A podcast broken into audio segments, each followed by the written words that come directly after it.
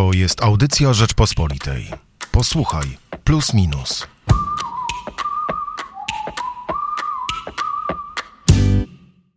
Czy państwo, w którego skuteczność wiele osób przestaje wierzyć, wciąż jest nam jeszcze tak bardzo potrzebna?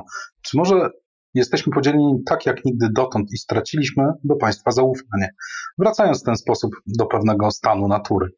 W najnowszym plusie minusie stawiamy pytania o wspólnotową solidarność, rolę państwa i ostatecznie o to, ile w dzisiejszym świecie znaczy zaufanie. Hubert Salik i Michał Płociński. Najnowszego plusa minusa otwiera tekst, tekst Łukasza Kobeszki, który poświęcony jest głównie temu, jak zmienia się postrzeganie państwa, jak zmieniają się społeczeństwa i czy państwo spełnia nasze oczekiwania, czy też ich nie spełnia. Czy współczesne państwa, nawet jeśli przechodzą takie kryzysy jak te, ten amerykański, kiedy szturmowano Kapitol, podważając w pewien sposób podstawy amerykańskiej demokracji, mają jeszcze rację bytu? Jak sądzisz? No, myślę, że najważniejsze też y, i, i na to zwraca też uwagę Łukasz Kobeszko, y, jest pytanie, jakie właściwie są te nasze oczekiwania? Y, po co my to państwo chcemy mieć? Czy uważamy, że, że to państwo ma nam, nie wiem, zapełnić pewne bezpieczeństwo, czy po prostu wyciągnąć nas z tego stanu natury, a może e, uważamy, że ten stan natury wcale taki e, zły nie był i to państwo ma, nie wiem, ograniczać na przykład wielkie korporacje. Chyba sami sobie tych pytań w XXI wieku nie zadajemy i trochę ta nasza debata w ogóle nad, nie tylko nad państwem, ale w ogóle nad zorganizowaniem społeczeństwa, ona już lata temu została zastąpiona prostą prostą e, odpowiedzią o końcu historii, czy jakby nie rozumieć e, e, tych różnych liberalnych odpowiedzi na kolejne wątpliwości, które rodziły różne kryzysy przecież liberalizmu na przestrzeni ostatnich dekad. I wreszcie rzeczywiście mamy poważny kryzys, mamy testy, który państwo musi zdać, test, jakim niewątpliwie jest pandemia, a my chyba sami do końca nie wiemy, czego od tego państwa oczekujemy.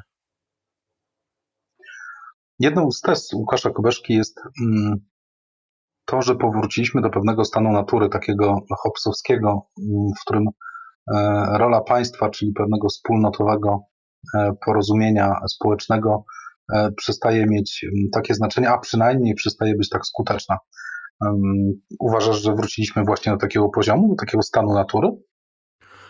No, jeżeli rzeczywiście nie ma jakichś e, konkretnych e, instytucji, które by nas e, łączyły, jeżeli zaczynamy podważać podstawowe zasady nie tylko demokracji, ale, ale, ale całego tak naprawdę systemu, na którym współczesne państwo jest zbudowane, e, no to co tak właściwie nas łączy? Na co my się właściwie wszyscy e, zgadzamy? Czy stan natury właśnie nie był, e, jak pisał Hobbes, wojną wszystkich ze wszystkimi? No, możemy założyć też oczywiście, Łukasz Kobeszko wraca do tych krytyków liberalizmu, na przykład francuskich myślicieli, jak Jean-Jacques Rousseau, którzy mówili, że no ten stan natury wcale taki zły nie był, to dopiero cywilizacja E, budzi w nas e, te demony, e, ale chyba wszyscy się dzisiaj zgadzamy, że w momencie, w momencie, w którym no, to państwo jest ostatnią deską ratunku i,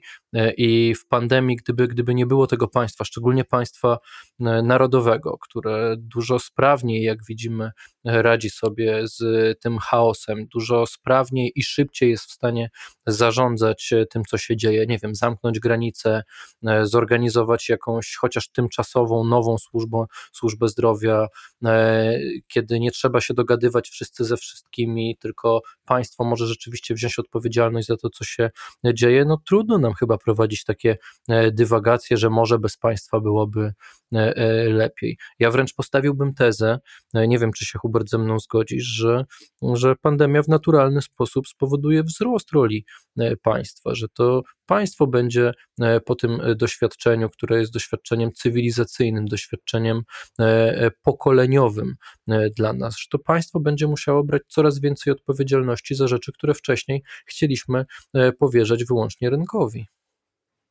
No i w tym też tkwi pewna sprzeczność, bo jednocześnie to zaufanie do państwa, do jego instytucji znacząco spada, e, wymagania rosną, e, interwencjonizm państwa na różnych poziomach, niekoniecznie ekonomicznym, ale też e, państwa, które przecież teraz dystrybuuje dobro rzadkie, jakim są szczepionki. To są przykłady na no, niezbędną jego rolę, dlatego że nie ma innej w tej chwili instytucji, czy instytucji, które mogłyby być pewnymi dystrybutorami, a nawet redystrybutorami pewnych dóbr e, niż państwo. Moim zdaniem nie do końca jesteśmy w takim stanie natury, e, jakim pisał Hobbes, ani w tym stanie, jakim pisze Łukasz Kobeszko. Dlatego, że troszeczkę nie doceniamy tego, co przez te stulecia e, udało się nam osiągnąć na poziomie wspólnotowym. No zwykle tak jest, że widzimy te rozdarcia, konflikty, nieporozumienia, zamykanie się w własnych bańkach. Ale tak naprawdę e, państwo opiekuńcze na naszych oczach trochę się zrealizowało. To państwo jest redystrybuentem pewnych, e, redystrybutorem pewnych dóbr, e, bez których ci, którzy są w jakiś sposób wykluczeni też finansowo, też społecznie, E, nie mogliby w ogóle egzystować. E, nawet jeśli to państwo jest nieskuteczne, jeśli robi to w sposób nieefektywny, no a tutaj możemy śmiało powiedzieć, że nie ma państwa, które robi to w sposób efektywny. Jeśli przypomina takie dziurawe wiadro, w które wlewa się wodę i ta woda w różnych miejscach wycieka, a tymi punktami, w których to się dzieje, to jest na przykład korupcja, pewna inercja aparatu administracyjnego, pewne przyzwyczajenia, e, pewne wchodzenie w kolejne, w których nie myśli się e, o ludziach, a bardziej o e, działaniu systemu. Na przykład świetnie opisuje to w swoich filmach mm, Brytyjczyk Ken Loach, pokazując właśnie, jak mm, państwo staje się machiną, która jest w pewien sposób antyludzka. To zawsze w jakiś sposób funkcjonuje i bez niego, moim zdaniem, no, nie bylibyśmy w stanie funkcjonować. To ono nas spaja to, e, czyli to paradoksalnie, przeciwko czemu e, często występujemy, jest naszym społecznym spoiwem. Ja myślę, że ważne jest tu też pytanie o zaufanie, że to jest jednak takie pojęcie kluczowe, e, nad którym warto się pochylić, i mam wrażenie, że pochylają się nad nim tak naprawdę autorzy wszystkich trzech tekstów w naszym bloku głównym na temat tego, co nas łączy e, i jak, e, jaką odpowiedź moglibyśmy dać jako społeczeństwo na wyzwania pandemii. O zaufaniu pisze między wierszami oczywiście Łukasz Kobeszko, bo w końcu państwo tworzy się na podstawie jakiejś jakiejś umowy społecznej. Tomasz Terlikowski, który pisze o jakiejś solidarności e, międzynarodowej, szczególnie z państwami globalnego południa, czy po prostu z państwami biedniejszymi w kwestii redystrybucji e, szczepionek, też oczywiście powraca do tych podstawowych wartości, e, na których miała być zbudowana cywilizacja zachodnia. Tutaj też przecież zaufanie odgrywa wielką rolę. No i w końcu Piotr Kościelniak, który pisze o zaufaniu do nauki, o zaufaniu do twórców szczepionek, do dziennikarzy, którzy, e, którzy przecież e, mają olbrzymią w tej chwili odpowiedzialność społeczną e, za przekaz o szczepionkach, o szczepieniach, który, który przecież tworzą. Tutaj chyba moglibyśmy się zastanowić, jak to się stało, że, że bo, bo ja jestem bardzo mimo wszystko pozytywnie zaskoczony, Hubert, nie wiem jak ty, że w świecie internetu, upadku debaty społecznej, w świecie którym giną autorytety albo giną stare autorytety, żeby być bardziej e, precyzyjnym, gdzie e, jest coraz mniej filtrowania informacji w debacie, gdzie algorytmy mediów społecznościowych e, wzmacniają jednak różne teorie spiskowe, wzmacniają różne antynaukowe podejścia. W tej pandemii mam wrażenie, jesteśmy w stanie mimo wszystko jako dziennikarze i jako, jako po prostu społeczeństwa stanąć w miarę na wysokości zadania, że e, ja tak to odbieram przynajmniej, że, że, że jest e, taka duża, może niezorganizowana, może naturalna e, akcja w mediach społecznościowych, gdzie ludzie zaczynają się po prostu oburzać na antynaukowe głosy. Ich oczywiście jest sporo, ich wiadomo było, że będzie sporo, ale reakcja ludzi, którzy wcześniej, wcześniej po prostu machali na to ręką, moim zdaniem jest bardzo pozytywna, jest pozytywnie zaskakująca.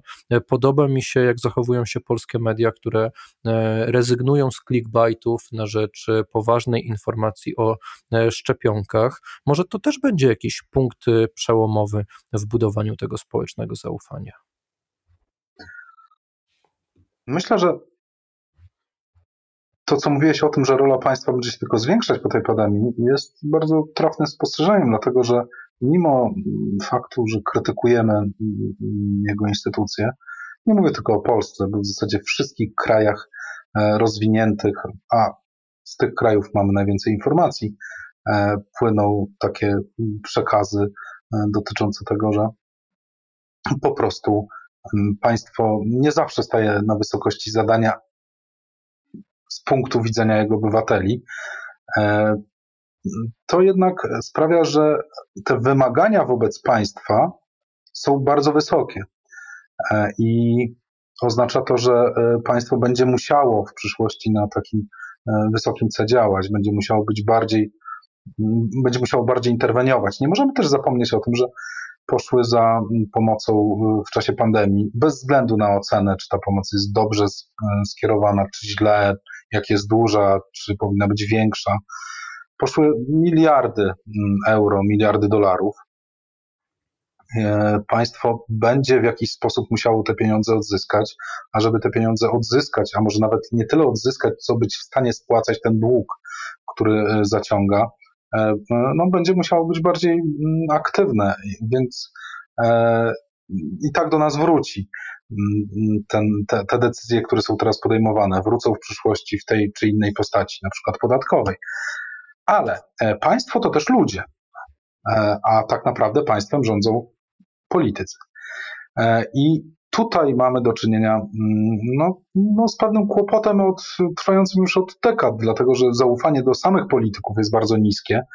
E, więc e, często jest tak, że to oni przesłaniają funkcjonowanie państwa. Oni też grają po prostu swoją polityczną grę pod publiczkę, żeby zdobyć popularność, co też obniża jakoś skuteczność działania państw. No i myślę, że to są takie rzeczy, które w dalszym ciągu będą nas niepokoiły, ale czy doprowadzą do głębokich zmian? Nie wiem.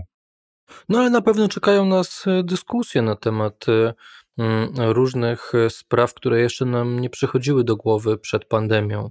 Na przykład już e, tak naprawdę rozpoczęta dyskusja e, nad podstawowym dochodem gwarantowanym, czyli absolutną zmianą podejścia państwa do gospodarki, prawda? Ja nie mówię, że to są łatwe dyskusje albo że naprawdę, naprawdę koniecznie trzeba je prowadzić i że trzeba coś zmienić, tyle że no, coś pękło, i y, nawet jeżeli nie będzie y, zmian y, realnych w najbliższym czasie, to zmienia się nasz sposób myślenia, nie uważasz?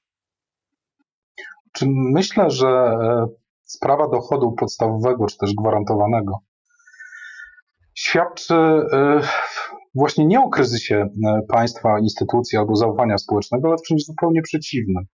Pokazuje, przynajmniej w krajach, gdzie się to rozważa, czyli w krajach rozwiniętych, Polsce też taka debata zaczyna się coraz częściej pojawiać, e, że poziom rozwoju i poziom zabezpieczenia socjalnego e, zaczyna powoli dochodzić do takiego e, punktu, w którym no po prostu jako społeczeństwo zaczynamy dbać o ludzi wykluczonych w stopniu, jakiego jeszcze nie było w historii. Oczywiście ci ludzie są, oczywiście nie wszyscy są fanami takich bardzo przecież ważnych inicjatyw, które jak gdyby uzupełniają pewne dysfunkcyjne cechy państw, jak Wielka Orkiestra, Świątecznej Pomocy, ale fakt, że ludzie e, są świadomi, że też mogą redystrybuować w jakiś sposób do innych e, to, co mają, to, że myślą o tym, żeby, e, że myślimy o tym, żeby wszyscy mieli mm, taką samą, taką samą trudno nazwać to pensję, ale takie samo wynagrodzenie bez względu na to, jaką bez względu na to, czy wykonujemy pracę. To są ekstremalne zabezpieczenia socjalne, które są możliwe tylko w państwach, którym A. dobrze się powodzi, B. wierzą w pewną społeczną równość i sprawiedliwość. Osobiście nie jestem zwolennikiem tego rozwiązania, ale ono pokazuje pewną świadomość, pewne, pewne zaawansowanie społeczne no, w podejściu do właśnie takich problemów. No i właśnie o tych zmianach, o mm, rewolucji w naszym myśleniu, ale także o problemie z zaufaniem, z podejściem do, do państwa e, piszą w najbliższym plusie minusie Łukasz Kobeszko, Tomasz Terlikowski i Piotr Kościelniak. Chyba nie pozostaje nam, Hubert, nic innego, jak zaprosić po prostu naszych słuchaczy do kiosków oraz na stronę www.rp.pl. Zapraszamy Państwa. Hubert Salik, i Michał Płociński. Słuchaj więcej na stronie podcasty.rp.pl. Szukaj Rzeczpospolita Audycje w serwisach streamingowych.